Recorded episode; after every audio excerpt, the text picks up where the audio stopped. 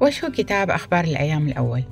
هذا الكتاب كتب لبني إسرائيل عشان يتوحد الشعب ويكون في امتداد لنسل داود والتركيز على عبادة الله كمحور أساسي في حياة كل شخص.